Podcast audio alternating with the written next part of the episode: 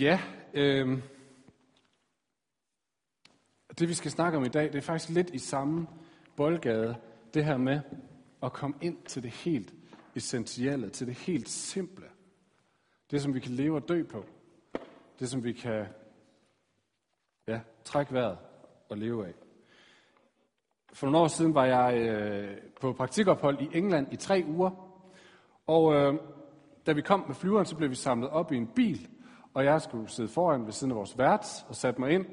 Selvfølgelig den, altså, i den anden side af bilen, end hvor passageren plejer at sidde, som man gør i England. Og hvis nogen af jer har prøvet at øh, befærdige jer i trafikken i England, så kender I den her fornemmelse.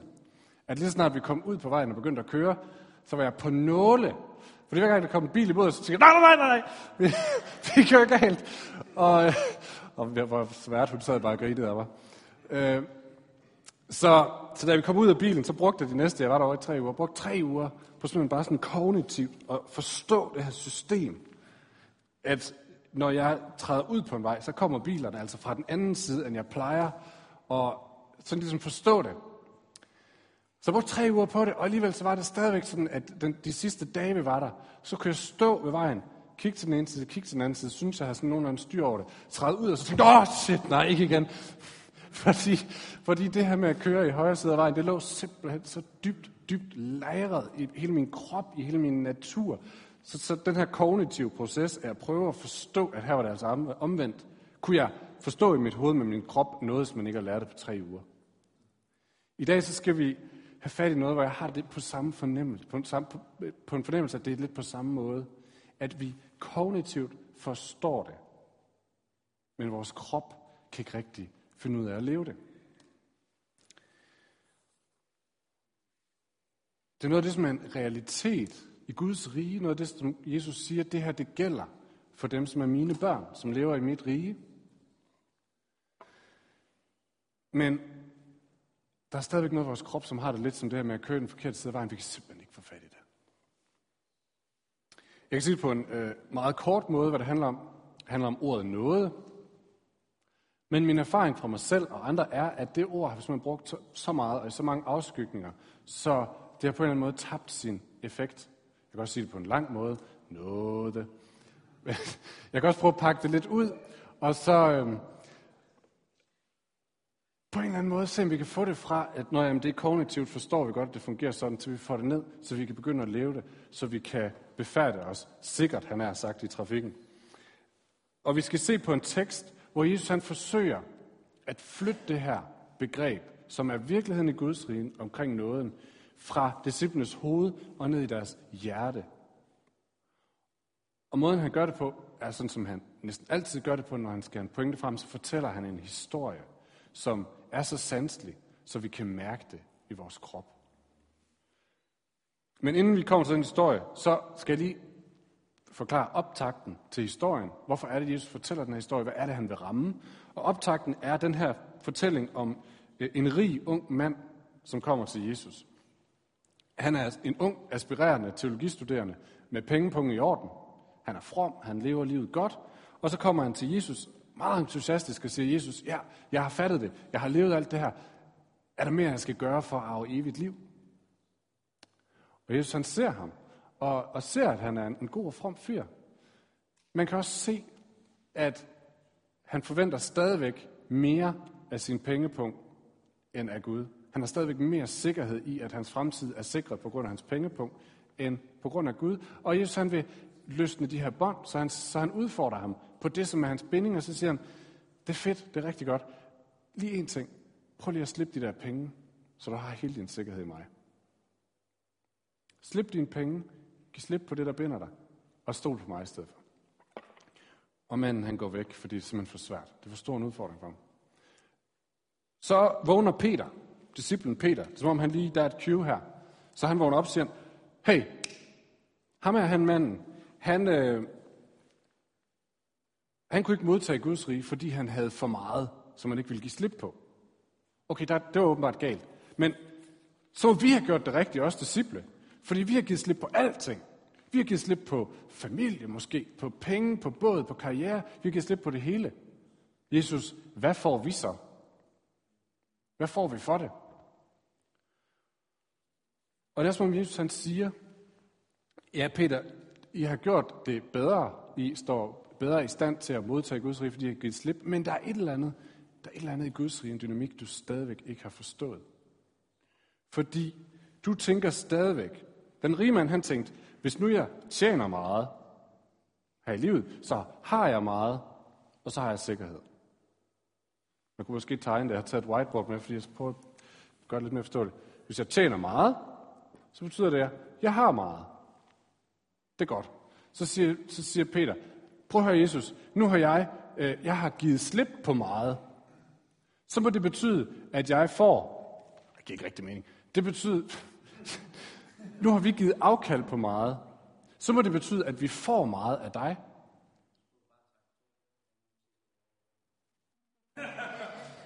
Vi dropper lidt den her. Den rige unge mand har tjent meget og regner med, så har han meget, så han fået meget. Peter han siger, vi har givet afkald på lige så meget, så må vi få lige så meget af dig, Jesus. Så det er som om, der er stadigvæk sådan en eller anden sammenhæng mellem at gøre meget og modtage meget. Enten at tjene meget og få meget, eller give afkald på meget, og så få mere belønning. Så grundlæggende set kan man sige, dynamikken er den samme hos den rige unge mand og hos Peter. At hvis man gør meget, så får man meget. Arbejde, belønning. Ja, og det er jo som at sige, sådan er dynamikken ikke i Guds rige. Det er ikke sådan, at gør du meget, giver du afkald på meget, så fortjener du desto mere. Sådan er det ikke i Guds rige. Den her helt øh, grundlæggende dynamik, som vi kender fra vores liv, at hvis jeg gør meget, så får jeg meget, den eksisterer ikke i Guds rige. Det er simpelthen ikke den dynamik, der driver Guds rige. Og det er det, Jesus han skal prøve at få ind under huden på dem, hvor dybt det ligger i dem, og hvor anderledes det er i Guds rige. Og derfor så fortæller han den her historie, og det er den, vi skal prøve at læse nu, fra Matthæus kapitel 20. For himmeriget ligner en vingårdsejer, der tidligt om morgenen gik ud for at lege arbejdere til sin vingård. Da han var blevet enig med dem om en dagløn på en denar, sendte han dem hen i sin vingård. Ved den tredje time gik han ud og så nogle andre stå ledige på torvet, og han sagde til dem, Gå I også hen i min vingård, så skal jeg betale hvad I har ret til. De gik derhen. Igen ved den sjette time og den niende time gik han ud og gjorde det samme. Ved den elfte time gik han derhen og fandt endnu nogen stående der. Og han spurgte dem, hvorfor har I stået ledige her hele dagen? De svarede ham, fordi ingen har lejet os. Han sagde til dem, gå I også hen i min vingård. Da det blev aften, sagde, vingårdsmanden, øh, sagde vingårdens ejer til, sine, til sin forvalter, kald arbejderne sammen og betal dem deres løn, men sådan at du begynder med de sidste og ender med de første. Og de, der var blevet lejet i den 11. time, kom og fik hver en denar. Da de første kom, troede de, at de så ville få mere, men også de fik hver en denar.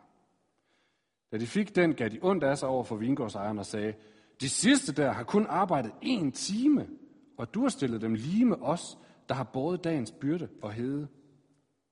Men han sagde til en af dem, min ven, du gør dig, jeg gør dig ikke uret. Bliver du ikke enig med mig om en denar? Tag det, der er dit, og gå. Jeg vil give den sidste her det samme som dig. Eller har jeg ikke lov til at gøre, hvad jeg vil med det, der er mit? Eller er dit øje ondt, fordi jeg er god? Sådan skal de sidste blive de første, og de første de sidste. Amen.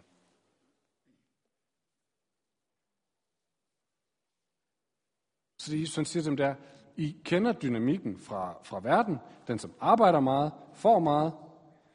Det sidder så dybt i jer. Det er som at, at køre i højre side af vejen. Det kan man simpelthen ikke bare lige komme af med. Og det sidder faktisk så dybt, at, at jeg, kunne mærke, at jeg kan mærke, når jeg læser den her tekst, at jeg sådan instinktivt reagerer ved den uretfærdighed, eller øjensynlig uretfærdighed, man ser til sidst. De her fyre, der kommer og siger, prøv at høre, Jesus, vi har arbejdet, eller vi går sig, vi har arbejdet herude i 12 timer. Vi har slidt, og vi har slæbt i sol, og det har været hårdt. Og så kommer der de her to fyre ind sidst på dagen. De når at arbejde en time, det vil sige, de når knap nok at løfte redskaberne op fra jorden, inden du kalder fyreaften. Og så får de lige så meget i løn som mig. Det er simpelthen ikke fair, Jesus.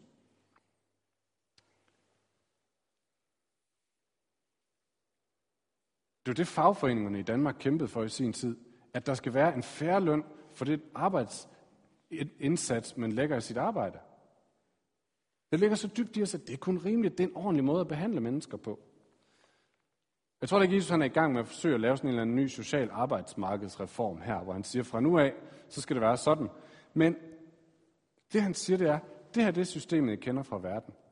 Og det ligger så dybt i jer. Nu skal I simpelthen forstå, at sådan er det ikke i Guds rige. Det er simpelthen ikke sådan, det hænger sammen.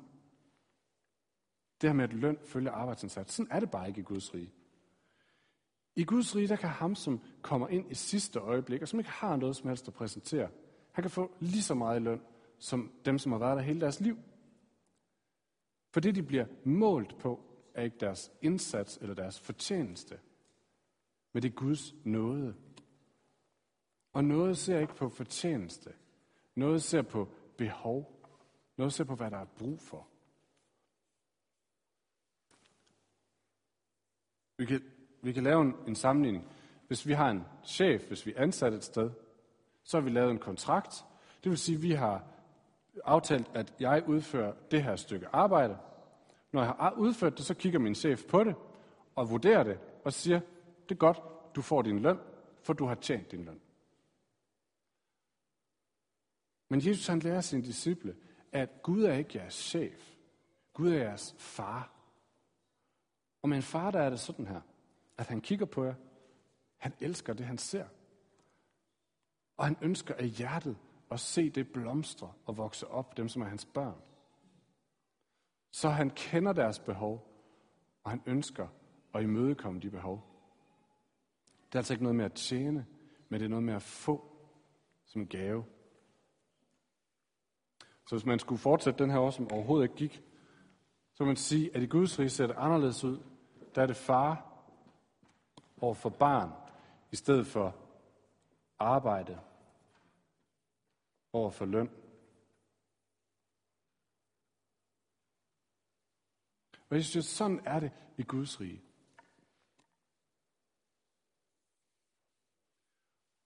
Og kan jeg vide, hvor mange af os, der på en eller anden måde tit og ofte er ramt af den her med, der må være et eller andet, jeg ikke har gjort rigtigt.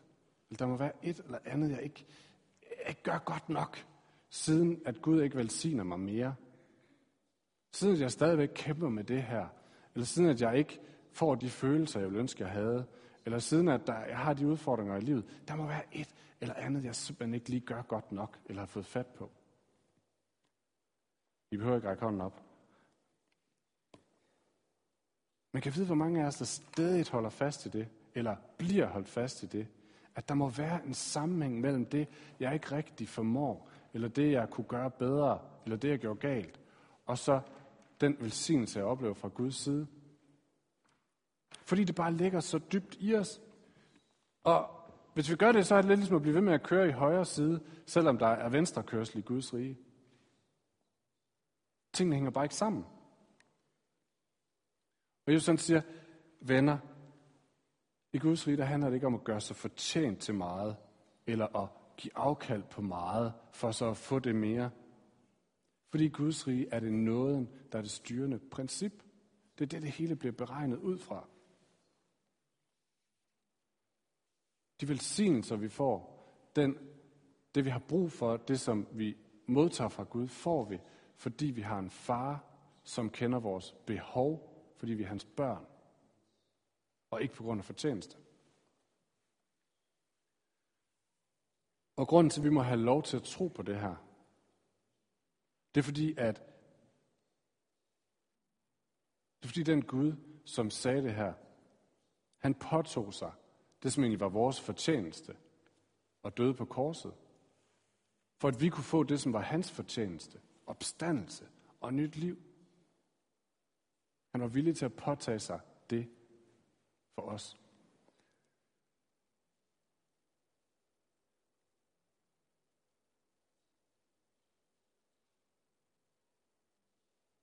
Nogle af jer vil måske kende det sted i det nye testamente, hvor Paulus siger, arbejd med frygt og bæven på jeres frelse.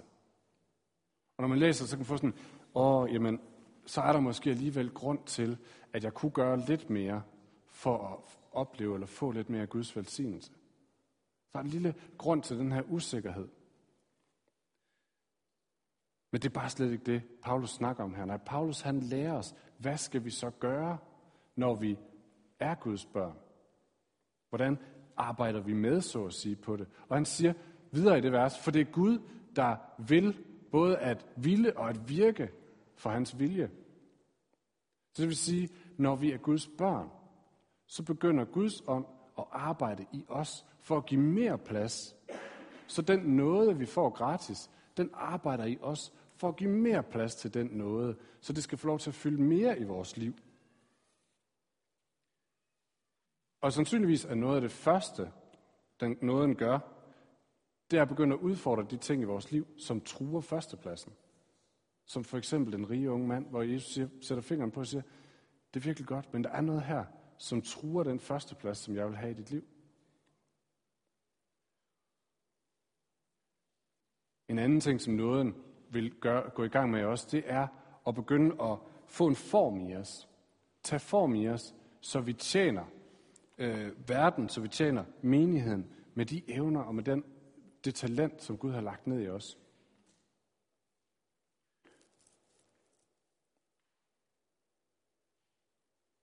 Menighedsrådet øh, og jeg var på lederoase her i weekenden, som nogle af jer måske har hørt om. Og der var en fyr, som var at fortælle øh, fra Australien, som har været med til at plante nogle menigheder og nogle forskellige ting. Og han mindede øh, om noget af det her med, hvor vigtigt det er, at vi griber fat i, hvad skal man sige, det essentielle, det vigtigste, det inderste, det simpleste af det at være en disciple af Jesus. Og han minder om noget om, hvad er det, der sker, når vi griber fat i det. Når vi begynder at forstå, at nåden er det styrende princip i Guds rige så meget, så vi også kan leve det. Han minder os for eksempel om den første kirke, øh, Jerusalem-menigheden, som vi kan læse om i Apostlenes Gerninger. Så da Jesus forlader øh, jorden, så er der måske omkring 120 disciple samlet.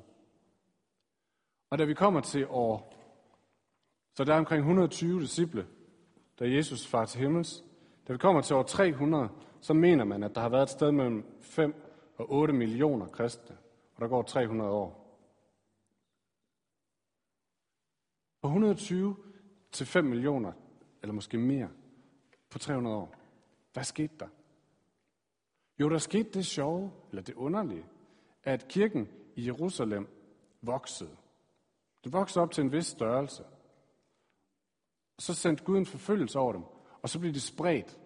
Vi kan læse om det i Apostlenes Gerninger. De blev spredt på den her måde, at alle apostlene, alle lederne af kirken, de blev i Jerusalem, og alle dem, der ikke var ledere af kirken, de blev spredt ud over øh, verden. Og så står der, at de steder, hvor de kom frem, de her familier af folk, der begyndte kirken at vokse. Det vil sige, der hvor de kom hen, havde de hverken ledere, eller organisation, eller bygninger, eller budget, eller noget som helst med sig. Og alligevel så voksede kirken. Alt det, vi tænker, der er så vigtigt for, at kirken vokser, det havde de ikke. Og alligevel voksede kirken. Og hvad er forklaringen? Hvad er forklaringen? Det var det, der betød, at kirken gik fra 120 mennesker til 3, eller 5 til 8 millioner. Og det, jeg tror, det handler om, det er, eller det, som han minder os om, det er, at de mennesker, de blev sendt ud uden alle de her store ting, men de havde det helt essentielle med sig. De vidste helt ind i hjertet, så de kunne leve ud fra det, at den Gud, de troede på, var noget i Gud. Der er noget i Gud som ikke beregner på deres fortjeneste, men som kigger på dem, som elsker dem, som stiller deres behov og som sørger for dem. Og det kunne de leve på. Og de vidste, at hvis det er Gud, hvis Gud er sådan i forhold til os, så kan jeg frimodigt og frit putte alle andre ting, gør det sådan her, Det var ikke så godt. Sådan. Hvis Gud, hvis det styrende princip i Guds rige er, at Gud er far, og vi er børn, og han sørger for os i alle ting, så kan jeg frit tage alt andet i mit liv, mit arbejde, mine penge, min familie, mine relationer, mine Se jeg kan finde få flere figurer her. Min drømme, mine visioner, alt, der ellers er i mit liv, kan jeg putte under den her far, under det her liv. Jeg kan putte alting ind under ham, fordi han har lovet, at han sørger for mig i det hele. Så de begyndte, de kunne leve et liv, der var så simpelt på en eller anden måde i forhold til Gud. De vidste, Gud er min far, han vil sørge for mig i alting. Så kunne de løfte næsen fra deres liv og begynde at kigge på deres verden. Og det smittede.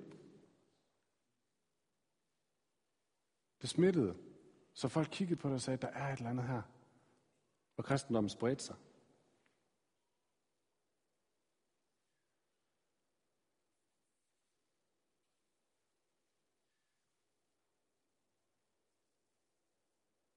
Jeg prøver at slutte med et, øh, et billede, som måske på en anden måde også siger noget om, jamen, hvad betyder det, hvis en kirke, hvis vi begynder, eller hvis vi virkelig begynder at leve som om, at det her med, at nåden er vores styrende princip, som om det er sandt, som om vi tror på det.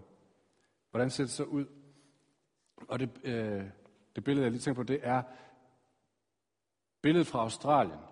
Et billede af en kæmpestor ranch i Australien med masse, masse vis af dyr. Og så kommer der en og spørger, sig mig engang, du har alle de her dyr, som går frit på dine jorder. Jeg kan ikke se noget hegn nogen steder. Hvordan holder du styr på alle de dyr? Hvordan, hvordan ved du, at, øh, hvor de er, og så videre? Du har ikke noget hegn. Så siger ham, ranch-owneren der, siger han, jeg har ikke noget hegn, men inde i midten af min grund, der har jeg en brønd. Og det er det eneste sted, de kan få vand, så de skal nok komme.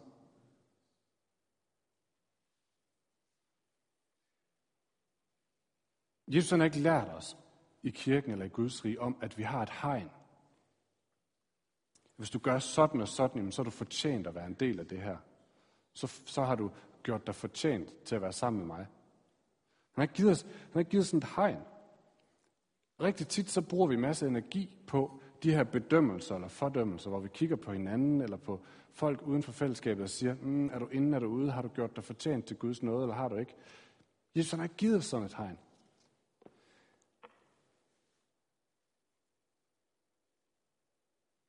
Og nu kan jeg tænke, når jeg kigger på mine kollegaer nede på kontoret, eller på, min, på mit nabolag, tænke, åh, du godeste mand, de er så langt væk fra Gud.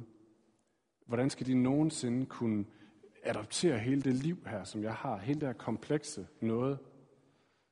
Men jeg siger, der er ikke et spørgsmål, om de er inde eller ude her. Men inde i midten, der har vi en brønd. Det er det eneste sted, hvor man kan få det vand. Det er det eneste sted, hvor nåden er tilgængelig. Det er det eneste sted, hvor vi bliver, der er forvandling til nyt liv. Jeg synes, han siger, at det øjeblik, mennesker de vender deres blik den vej, så kan forvandlingen ske. Så kan de få stillet deres sult, så kan mennesker blive forvandlet.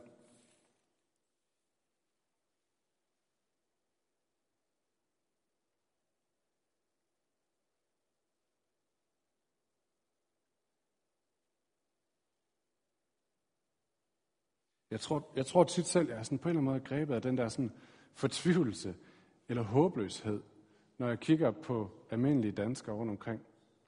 Og jeg, jeg læser, jeg ved, at Gud han kan forvandle dem. Men jeg kigger på dem, kigger på mit eget liv, så tænker jeg, der er bare så langt, Gud. Jeg ved slet ikke engang, hvor vi skal gå i gang. Altså, der er så meget, det, det, for mig så er der så meget i deres liv, der skal laves om, før de ligesom passer ind i den kultur, jeg kender. Og det kan virke så uoverskueligt, jeg tænker, det, åh, jeg orker, jeg orker næsten, det, jeg ved ikke, hvor jeg skal begynde. Og det tror jeg mangler at forstå der. Det er på en eller anden måde den forvandlende kraft, som, som Jesus siger, hans nåde har. At det øjeblik, de kommer i kontakt med ham, så kan han gøre sådan der. Der sker et eller andet i deres hjerte. Ikke sådan, at de har adopteret hele vores kultur. Ikke sådan, at de begynder at gå klædt som os, og øh, snakke ligesom os, og tænke så, ligesom os om arbejde og børn og penge og evigt liv og jomfrufødsler og øh, alt muligt andet. Nej, det, øh, men der er ikke det her inde og ude. Det er ikke det, som gør os fortjent til at være Guds børn. Om vi kan svare rigtigt på alle spørgsmål, om vi kan leve ordentligt osv. Det er en rejse, man må tage sammen med Jesus tættere og tættere på den her brønd. Men det siger, det øjeblik, folk de vender deres blik mod ham. Mod ham, som vil stille deres tørst. Mod ham, som vil give mening, give håb, give liv, give trøst, give retning i livet. Det øjeblik, de vender deres blik mod ham, så er de indenfor. Så er de en del af hans plan. Så, de, så får de den løn, som alle os, der har knoklet et helt liv, ellers synes vi har fortjent. Så der er, der er den her, det er ikke så vanskeligt. Det er meget, meget simpelt. Det er bare mig, der gør det vanskeligt.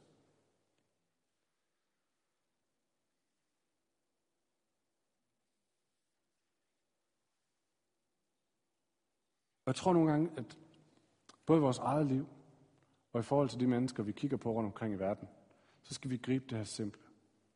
Vend vores blik mod ham, og så sige, uanset om det ser ud som om jeg har, uanset om jeg føler, at jeg har knoklet i 12 timer, eller jeg synes bare aldrig, at jeg har fået styr på det, eller uanset om de mennesker herude, de har et liv, der peger i den anden retning end Gud nærmest, eller hvad det er, så kan Gud gøre sådan her. Og så er vi en del af hans familie, så er vi en del af hans pagt, og så har vi fået hele pakken. Så er vi hans børn, så kender han vores behov, så giver han os det, vi har brug for.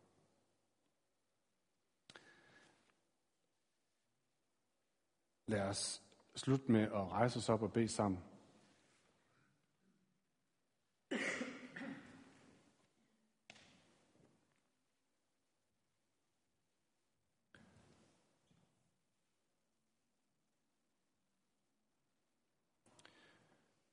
Gud, din nåde er nogle gange et mysterium. Det er let nok at forstå, sådan med hovedet, hvordan du regner. Men det kan være så svært at gribe det. Det kan være så svært at give slip på det, som vi føler, vi fortjener os i, eller det, som vi føler, vi burde gøre bedre, eller gøre anderledes. Bare tage imod, at vi er dine børn. Det er så svært at slippe det her med at kigge på sit eget liv og se, hvordan går det, går det godt, går det super godt, hvor, hvordan, hvor er jeg lige henne? Og bare kigge over på dig og sige, det styrer du. Nu kigger jeg på verden i stedet for. Herre, lær os. Lær os, at du er vores far. Lær os, at du kigger på os med stolthed og med inderlig kærlighed. Lær os, at hver eneste af vores behov, hver eneste af vores kampe, hver eneste af vores drømme, er i din hånd. Du har styr på det. Og du ønsker at tage dig af hver eneste ting.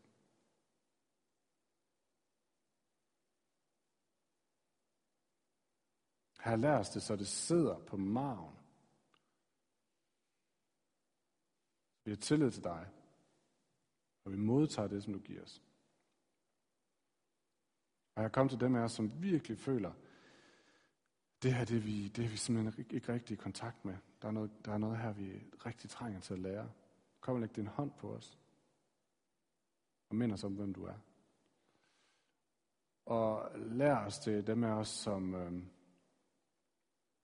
som stadigvæk er fanget op af vores eget liv, så vi tør løfte blikket, kigge på verden og turde tro på, at du kan forvandle i et splitsekund.